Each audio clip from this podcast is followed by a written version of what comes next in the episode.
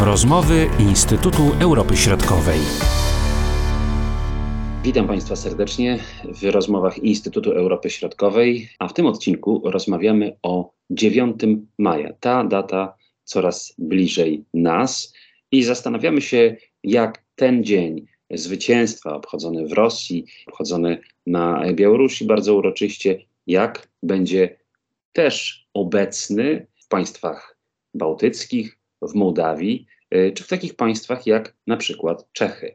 Moimi i Państwa gośćmi są dzisiaj Aleksandra Kuczyńska-Zonik, Piotr Oleksy i Szczepan Czarnecki. Dzień dobry. Dzień dobry. Rozpocznijmy od południa, czyli od Mołdawii, bo tutaj szereg niepokojących informacji do nas dociera w ostatnim czasie i ta groźba e, rosyjskich działań e, w Mołdawii jest e, bardzo niepokojąca. No i właśnie wiele rzeczy ma się wydarzyć, bądź też może się wydarzyć tego 9 maja. No to jest taka data symboliczna, ale może rozpocznijmy jeszcze od tego, jak ten 9 maja, jak to święto kończące II wojnę światową było w Mołdawii e, obchodzone. Czy ósmy, czy jednak dziewiąty? Piotr Oleks. W Mołdawii w ostatnich latach faktycznie było to obchodzone w sposób taki nietypowy, ponieważ władze obchodziły zarówno 8 jak i 9 maja. E, przynajmniej wtedy kiedy były to władze proeuropejskie, można tak y, powiedzieć. Przez wiele lat tak było. 8 maja był jednak obchodzony jako Dzień Europy przede wszystkim, natomiast 9 maja jako Dzień Zwycięstwa. Mm, I władze, bez względu na to, czy były to, to, to, to ten obóz powiedzmy proeuropejski czy prorosyjski, y, no w jakiś sposób honorowały ten, ten 9 maja. Od wielu lat tam nie było raczej mowy o, o, o, wpisywaniu tego w taką tą narrację zwycięstwa promowaną przez Rosję, za wyjątkiem krótkiego okresu mm, władzy Igora Dodona i, i partii socjalistów Republiki Mołdawii, ale nawet te władze proeuropejskie, mówiąc w pewnym uproszczeniu, zawsze starały się docenić pamięć o, o bohaterach, o, y, o weteranach, o poległych. Przede wszystkim mówiono tutaj o, y, o święcie tym jako o Dniu Zwycięstwa oraz no, o, o w kontekście nawoływania do pokoju do pokoju, ponieważ no, Mołdawianie mogą mieć pewien problem z, z tymże dniem zwycięstwa, tak naprawdę, o czym nie bardzo lubią teraz często pamiętać ale, i, i mówić, mm, ale znakomita większość przodków, przodków obecnych mieszkańców Republiki Mołdawii mm, walczyło w tym czasie w wojsku rumuńskim, ponieważ w okresie dwudziestolecia międzywojennego Republika Mołdawii była częścią tak zwanej Wielkiej Rumunii i byli oni chcąc nie chcąc wcielani do rumuńskiej armii. Natomiast Rumunia, Rumunia była e, sojusznikiem trzeciej, e, trzeciej Rzeszy. I to po tej stronie ci ludzie walczyli często w tej wojnie. Mi się zawsze przypomina w tym kontekście taka sytuacja, kiedy wspólnie z koleżanką z Republiki Mołdawii odwiedziliśmy Muzeum Narodowe i tam był taki duży fresk przedstawiający bitwę z czasów II wojny światowej. I ona mówiąc, patrząc, patrząc na ten y, obrazek powiedziała, że zawsze jak na niego patrzę, to się zastanawiam, czy to my bijemy, czy nas tutaj biją. To oddaje jakby ten, ten, ten problem tak naprawdę z tym, z tym pamięcią. No w środowiskach prorosyjskich, że tak powiem, w tej części społeczeństwa, to ten dylemat jest y, zamazywany, tak? Starają się przedstawiać jakby jednoznacznie, że my staliśmy po tej, y, po tej słusznej, słusznej stronie i to z tym mamy do czynienia teraz na przykład w, Gegau, w Gagauzji, autonomicznym regionie takim prorosyjskim na południu kraju, no, gdzie Gagauzi starają się bardzo mocno kultywować tą pamięć o, o Wielkiej Wojnie, wojnie Ojczyźnianej. Przy czym fakty historyczne są takie, że znakomita większość ich przodków walczyła w armii rumuńskiej, do której byli siłą wcielani, bo siłą, ale, ale tak to wyglądało. E, sprawa złożona, zresztą y, jeszcze do niedawna także w tej y, ukraińskiej przestrzeni i ukraińskiej pamięci historycznej, tej zarówno ten ósmy dzień maja, jak i dziewiąty dzień maja były dniami e, ważnymi dla części społeczeństwa. No teraz to pewnie zupełnie inaczej to wygląda inaczej będzie wyglądało i tutaj już nie ma dyskusji, który dzień jest tutaj ważniejszy i będzie obchodzony i jest obchodzony jako dzień zwycięstwa. A jak, y, no właśnie, świętowanie majowe wygląda z perspektywy państw bałtyckich, Litwa, Łotwa, Estonia, ta społeczność rosyjskojęzyczna jest niemała, zwłaszcza na Łotwie i y, w Estonii. Jak te dni e, są obchodzone, jak te dni wyglądają właśnie z punktu widzenia tych państw. Dla mniejszości rosyjskojęzycznej e, rzeczywiście 9 maja e, jest dniem szczególnym. Symbolizuje zwycięstwo Armii Radzieckiej nad faszyzmem, nad nazizmem, wyzwolenie spod okupacji. Z kolei dla etnicznych Litwinów, Łotyszy i Estończyków jest dniem oznaczający początek e, okupacji sowieckiej. Ta data co roku dzieli e, te społeczności I wydaje się, że mm, no, państwa bałtyckie, rządy państw bałtyckich miały, miały częściowo y, związane ręce w tym zakresie, dlatego że e, wiele, dziesiątki właściwie pomników e, radzieckich stoi do tej pory i właśnie to przy nich te największe uroczystości się odbywały. Oczywiście sytuacja nieco zmieniła się w czasie pandemii, Natomiast dane na przykład sprzed pandemii e, pokazywały, że w tych uroczystościach 9 maja pod pomnikiem e, żołnierzy sowieckich, na przykład w Rydze, e, w tych celebracjach uczestniczyło od, dwu, od 100 do 200 tysięcy osób, więc to są naprawdę znaczące liczby. Ponadto e, od kilku lat odbywały się tak zwane marsze nieśmiertelnego pułku, który również e, ta tradycja została zapoczątkowana w Rosji i też w wielu miastach europejskich e, e, jakby też znalazła zwolenników i też w, właśnie w szczególności na Łotwie i w, i w Estonii takie marsze się odbywały i gromadziły też koło tysiąca E, uczestników. E, natomiast e, w ostatnim czasie, w związku właśnie z wybuchem wojny rosyjsko-ukraińskiej, nastąpiła pewna zmiana w, w odniesieniu właśnie do, do 9 maja, do E, do e, pomników. E, państwa bałtyckie wprowadziły najpierw zakaz używania, popularyzacji symboli V i Z, które się kojarzą z tą wojną, ale również dokonano, wprowadzono ustawy zakazujące mm, uroczystości pod pomnikiem tego na przykład dokonała Łotwa. Natomiast również w Estonii w niektórych regionach wprowadzono zakazy E, właśnie e, takich publicznych e, uroczystości. A te społeczności jak zareagowały na te ograniczenia? Czy coś wiemy na ten temat? Póki co nie ma żadnych E, informacji na temat jakichś większych buntów czy oznak niezadowolenia społecznego. E, wydaje się właśnie, że te zakazy są w pewien sposób akceptowane nawet przez społeczność rosyjskojęzyczną, właśnie spowodowane tą solidarnością z Ukrainą. Poza tym wskazuje się, że i tutaj myślę, że to jest też taki punkt do, do dyskusji czy do zastanowienia się na przyszłość. Następuje pewna transformacja myślenia wśród y, mniejszości rosyjskojęzycznej. Zaczynają oni powoli właśnie odchodzić z jednej strony tej narracji rosyjskiej, i bardziej akceptują właśnie tą symbolikę, wartości narodowe, europejskie. Y, narodowe państw bałtyckich i właśnie szerzej europejskie. Y, z drugiej strony myślę, że też część społeczności rosyjskojęzycznej y, mimo wszystko pójdzie na cmentarz czy odwiedzi ten pomnik, złoży kwiaty, bo będzie czuła, że mm, jakby wojna na Ukrainie czy inwazja rosyjska nie jest bezpośrednio związana właśnie z tymi wydarzeniami sprzed 70 lat. W związku z tym no też e, myślę, że nie będzie takiej, że, że część osób właśnie jednak będzie starała się uczcić te wydarzenia. Natomiast na pewno nie będzie to e, na masową skalę i, i myślę, że to też będzie taki impuls do, do tej zmiany w latach e, następnych, czyli myślę, że, że jednak e, liczba zwolenników, obchodów takich bardzo uroczystych, podniosłych w państwach bałtyckich będzie maleć. To y, odchodzenie od tej rosyjskiej narracji, ono jest y, bardzo widoczne. Ja pamiętam jakiś czas temu, jak rozmawialiśmy właśnie o ocenie przez y, społeczności rosyjskojęzyczne w państwach bałtyckich wojny, która toczy się na terytorium państwa ukraińskiego i tam około 50% społeczności ona nie miała zdania. Trudno było jej powiedzieć, przynajmniej w tych badaniach oficjalnie, po czyjej stronie jest racja. Też już jest symptomatyczne. Nie było tego opowiedzenia się jasnego po stronie tej e, rosyjskiej narracji. No nie było też po tej drugiej stronie, ale był taki była taka równowaga, co jest bardzo zastanawiające. Z jednej strony dobry znak, tak, czyli że liczba zwolenników polityki Putina, czy liczba osób, które korzystały z źródeł e, informacji ze strony Rosji e, maleje. Z drugiej strony, mm, no właśnie pozostawanie w zawieszeniu tak znacznej, znacznego mm, odsetka społeczności jest jednak zastanawiające.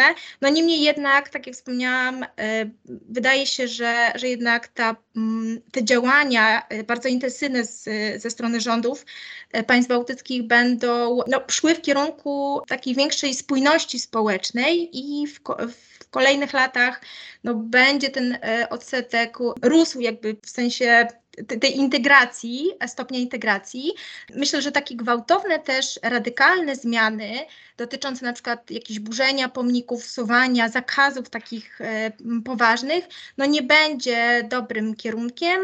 Raczej, raczej e, tutaj oczekiwane byłyby takie stopniowe zmiany i na pewno informowanie społeczeństwa o, o przyczynach takich działań, bo, bo trzeba też uwzględnić ich pamięć, ich e, percepcję, świadomość, tą e, pamięć na pewno o, o przodkach. W Czechach to zupełnie wygląda inaczej.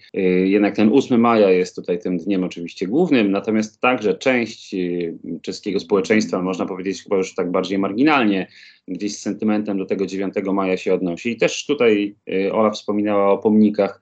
Y, to pamiętamy y, zupełnie niedawno usunięcie pomnika marszałka Koniewa w Pradze, który to fakt wywołał szereg ożywionych dyskusji i w Czechach, no i reak reakcje oczywiście rosyjskie były mocno krytyczne. Jak to wygląda na dzisiaj? To tu już się odwołam do samego marszałka Koniewa, bo e, to usunięcie tego pomnika z przestrzeni publicznej było bardzo, e, bardzo problemowe. Z drugiej strony wywołało szereg dyskusji, z drugiej strony sam pomnik został odsłonięty właśnie 9 maja 1980 roku. Także mm, tutaj już e, widzimy tę relację i te daty, i jest to naprawdę ważne pytanie, jeżeli chodzi o pamięć zbiorową Republiki Czeskiej.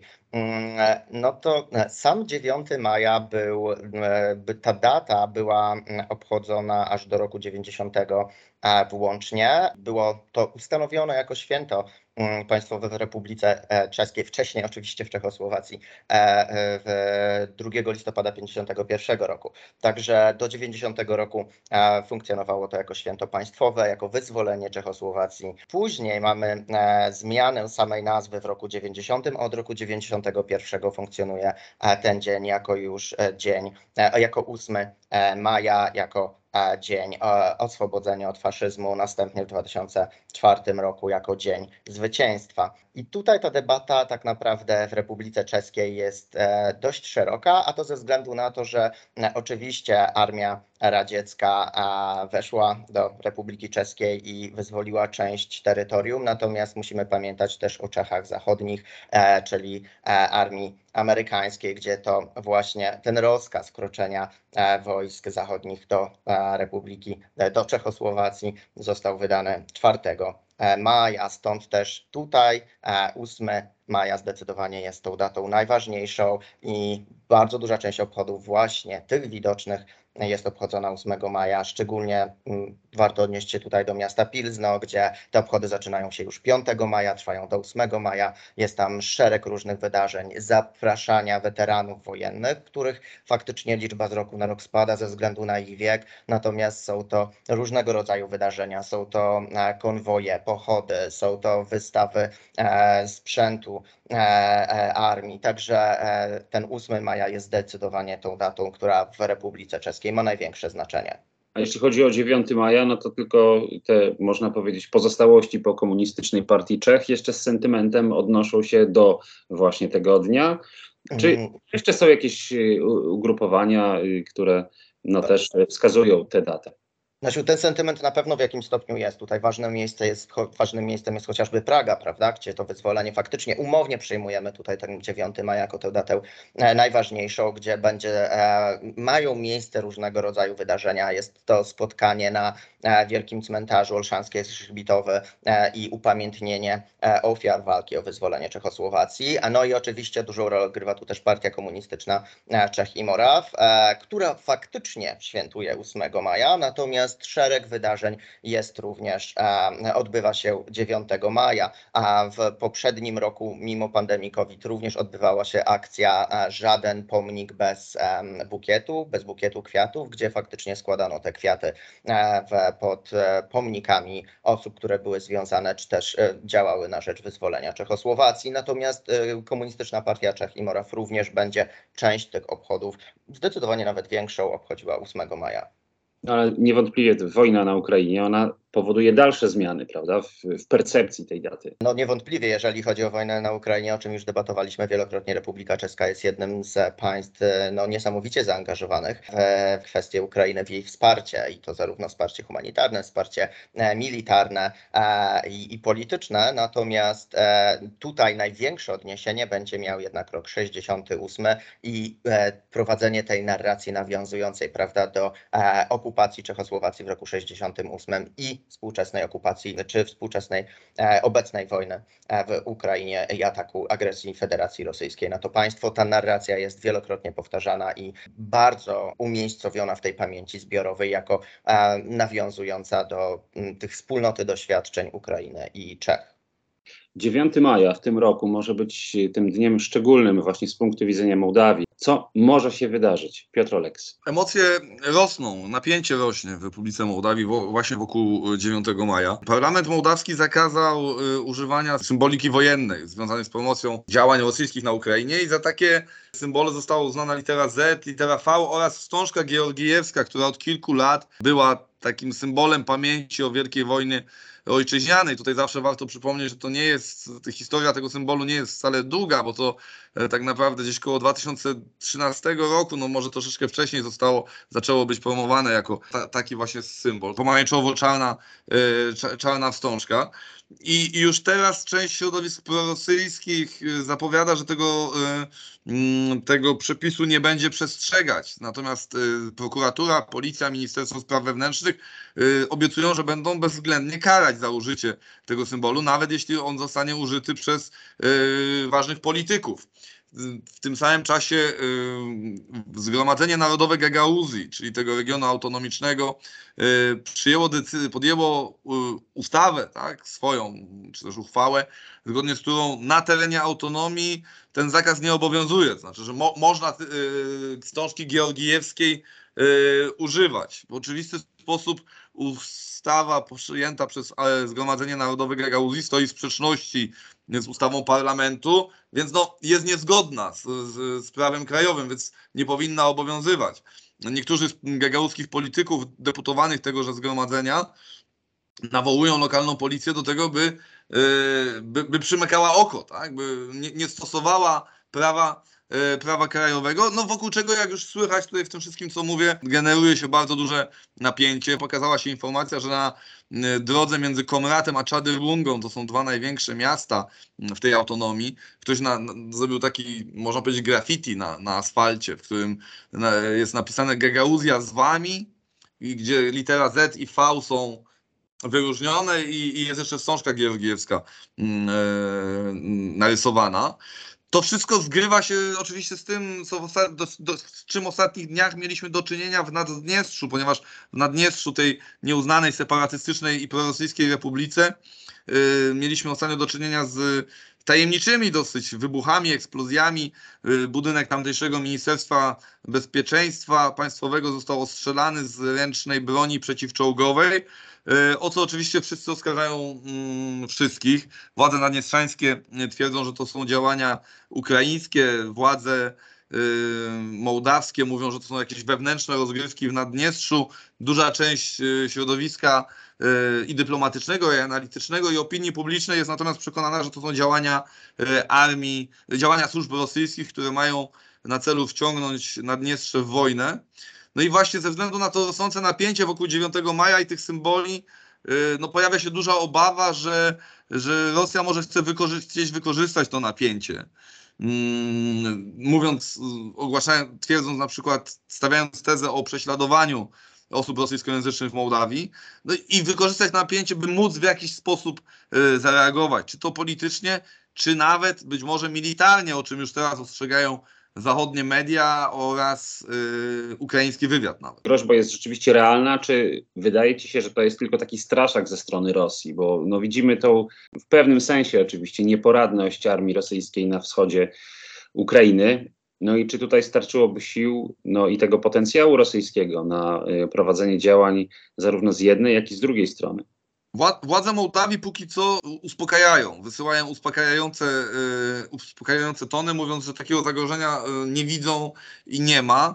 Z drugiej strony, no wszyscy przekonaliśmy się w ostatnich tygodniach, że rosyjskie straszaki wyda- okazują się być bardzo realne i to, co interpretowaliśmy jako po prostu grę dyplomatyczną czy też polityczną, okazuje się być wprowadzane, wprowadzane w życie, więc ja tak naprawdę nie odważę się y, powiedzieć, że to jest scenariusz nieprawdopodobny o tak powiem. Wydaje on mi się mniej prawdopodobny, mm, e, biorąc pod uwagę jakieś nasze rozważania o sensowności, racjonalności pewnych działań, to on, on nie ma większego sensu. Wspomniałeś o tych no, niepowodzeniach armii rosyjskiej na Ukrainie i być może to byłby właśnie czynnik skłaniający dowództwo rosyjskie do tego, żeby zrobić coś w Mołdawii, ponieważ dałoby to szansę na ogłoszenie jakiegoś sukcesu. Odnośnie y, sytuacji y, właśnie społeczności rosyjskojęzycznej w państwach bałtyckich, bo tutaj niewątpliwie mamy pewne różnice między tym, jak wygląda sytuacja e, w Estonii, na Łotwie i na e, Litwie, prawda? Bo ta ludność różnie procentowo rozkłada się w tych e, trzech państwach. Czy to świadczy właśnie też o tym, że ten 9 maja może mieć inny przebieg w tych poszczególnych państwach? Na pewno liczba ludności jest istotna, ludności rosyjskojęzycznej. Poza tym warto również wskazać to, że na przykład na Litwie, mimo, oprócz tego właśnie, że ten odsetek jest najmniejszy, czyli wynosi około 5-6%, e, to też ta społeczność jest najbardziej zintegrowana, zasymilowana y, w społeczeństwie litewskim i tutaj też nie, nie, było nigdy żadnych jakichś takich większych protestów e, związanych właśnie, czy, czy, czy jakby wynikających z jakiejś niezgody z polityką historyczną, czy, mm, czy właśnie nawet mówiąc o, o tych obchodach, one nigdy nie były, 9 maja, one nigdy nie były na jakąś taką dużą, e, dużą skalę. Natomiast y, jak popatrzymy na, na Łotwę czy, czy, czy Estonię, to y, myśląc właśnie o 9 maja, to mogą nam się właśnie skojarzyć jakieś takie mm, w przyszłości wydarzenia, e, które mm, no, niosły jakieś zagrożenia dla bezpieczeństwa państwa. E, w przypadku Estonii to była oczywiście, mm, było to przeniesienie y, tak zwanego brązowego żołnierza, czyli właśnie pomnika armii sowieckiej e, z centralnego miejsca w Talinie na nieco odległy cmentarz w 2007 roku. Wtedy doszło do takich e, zamieszek, zginęła jedna osoba. Z kolei na Łotwie też podejmowano próby usunięcia czy nawet zburzenia, wysadzenia e, pomnika na Placu Zwycięstwa stopniowo społeczność rosyjskojęzyczna akceptuje pewne zmiany. Do tej pory, jak na przykład znowu prześledzimy y, te, te ostatnie lata, to, to zobaczymy, że na przykład też władze w Rydze, one tak naprawdę nie podejmowały jakichś większych prób usunięcia czy, czy ograniczenia skali e, tych uroczystości. E, ponieważ merem był przez wiele, wiele lat, merem był właśnie Nils Uszakow, który był reprezentantem um, społeczności rosyjskojęzycznej. E, ponadto Łotwę łączy z Rosją e, umowa bilateralna właśnie o ochronie miejsc pamięci. Także było wiele, wiele różnych um, oporów czy, czy takich barier, jeśli chodzi właśnie o sposoby upamiętniania. E, natomiast myślę, że, że jakieś, e, że, że, że stopniowe, powolne zmiany następują. Na pewno nie, nie należy oczekiwać jakichś radykalnych e, zachowań. Być może może dojść do prowokacji jakichś radykalnych, ze strony radykalnych grup, być może jakichś prorosyjskich czy prokremlowskich, natomiast państwa bałtyckie są w pewien sposób już uodpornione na tego rodzaju działania. Były informacje o tym, że policja, służby bezpieczeństwa są przygotowane e, i, i jakby zwiększona liczba tych policjantów patroluje te główne miejsca, więc myślę, że będą, e, święto będzie obchodzone spokojnie. I jeszcze jeśli chodzi o 9 maja, czy ta data będzie wykorzystywana, czy może jest wykorzystywana w trakcie toczącej się kampanii wyborczej prezydenckiej w Czechach? Szczepan Czarnecki. Bo pamiętamy, prawda, to nastawienie swojego czasu, jeszcze do niedawna prorosyjskie, powiedzmy, ustępującego prezydenta Milosza Zemana. Jak to wygląda na dziś? Musimy dodać, że właśnie ustępującego prezydenta, który z, e, dodatkowo zmienił e, swoją narrację w przypadku, w, w momencie, kiedy Federacja Rosyjska zaatakowała e, Ukrainę, prezydent faktycznie skrytykował te działania. Jeżeli chodzi o e, kampanię e, prezydencką, tutaj jest jeszcze zdecydowanie e, zbyt wcześnie, żeby mówić o tym, że będzie ona, ta data w jakikolwiek sposób wykorzystywana. Ja uważam, że jednak e, odwołując się do moich poprzedników, e, tutaj bardziej spodziewałbym się ewentualnych różnego rodzaju wydarzeń, bądź pro, bądź anty, co również Federacji Rosyjskiej, co również jeżeli chodzi o, nie wiem, cały charakter e, wsparcia bądź sprzeciwu wobec danego konfliktu. Oczywiście jest to marginalne, to poparcie dla Federacji Rosyjskiej, ale różnego rodzaju e, wydarzenia dotychczas miały miejsce i chociażby tutaj ta symbolika, wspomniana litera Z, która miałaby wyrażać wsparcie ewentualnego, e, ewentualne wydarzenia tego rodzaju mogą mieć miejsce, natomiast myślę, że byłyby one marginalne, no i również tutaj e, odwołać się należy do czeskiego prawa, które zakazuje w jakikolwiek sposób e, zgody bądź poparcia dla ataku Federacji Rosyjskiej na Ukrainę i grozi za to kara, kara więzienia od pół roku do lat aż trzech w przypadku różnego rodzaju występowania tej aprobaty w przestrzeni publicznej, a także w przestrzeni internetowej. Oczywiście jest to zależne e, zawsze od kontekstu, w jakim się to dzieje. Także sama litera Z jest symbolem dość trudnym, prawda, i może być wykorzystywana, natomiast tutaj takie działania byłyby e, zdecydowanie karalne. Zajmuje się tym Policja Republiki Czeskiej, która e, ma mm, za zadanie śledzenie i egzekwowanie tego rodzaju zachowań, przy czym 9 maja mógłby potencjalnie być datą, e, kiedy tego rodzaju działania miałyby miejsce i podkreślić należy z obu stron. W Republice Czeskiej jednak ten sprzeciw jest dominujący, jest bardzo duży,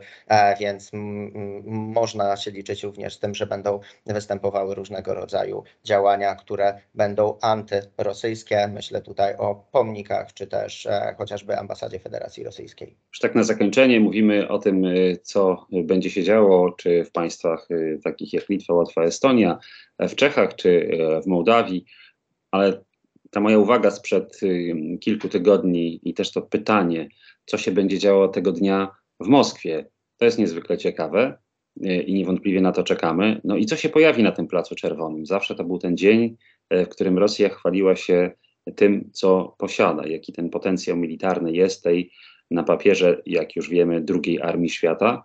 A jak to będzie wyglądało w tym roku? Zobaczymy. Piotr Oleksy, jakaś uwaga na koniec? Nie brakuje głosów, że ten sprzęt wojskowy, który Rosja zwykła pokazywać 9 maja na Placu Czerwonym, to jest e, sprzęt specjalnie przygotowany do tego celu i y, pewnie nie jest zaangażowany w działania zbrojne przeciw Ukrainie, więc nie, nie, nie można wykluczyć, że on tam czeka w garażach e, spokojnie na ten, ten swój dzień chwały. Może sprzęt czeka, ale co z tymi, co obsługują ten sprzęt? Tu już jest grubsza sprawa. No i przekonamy się właśnie 9 maja.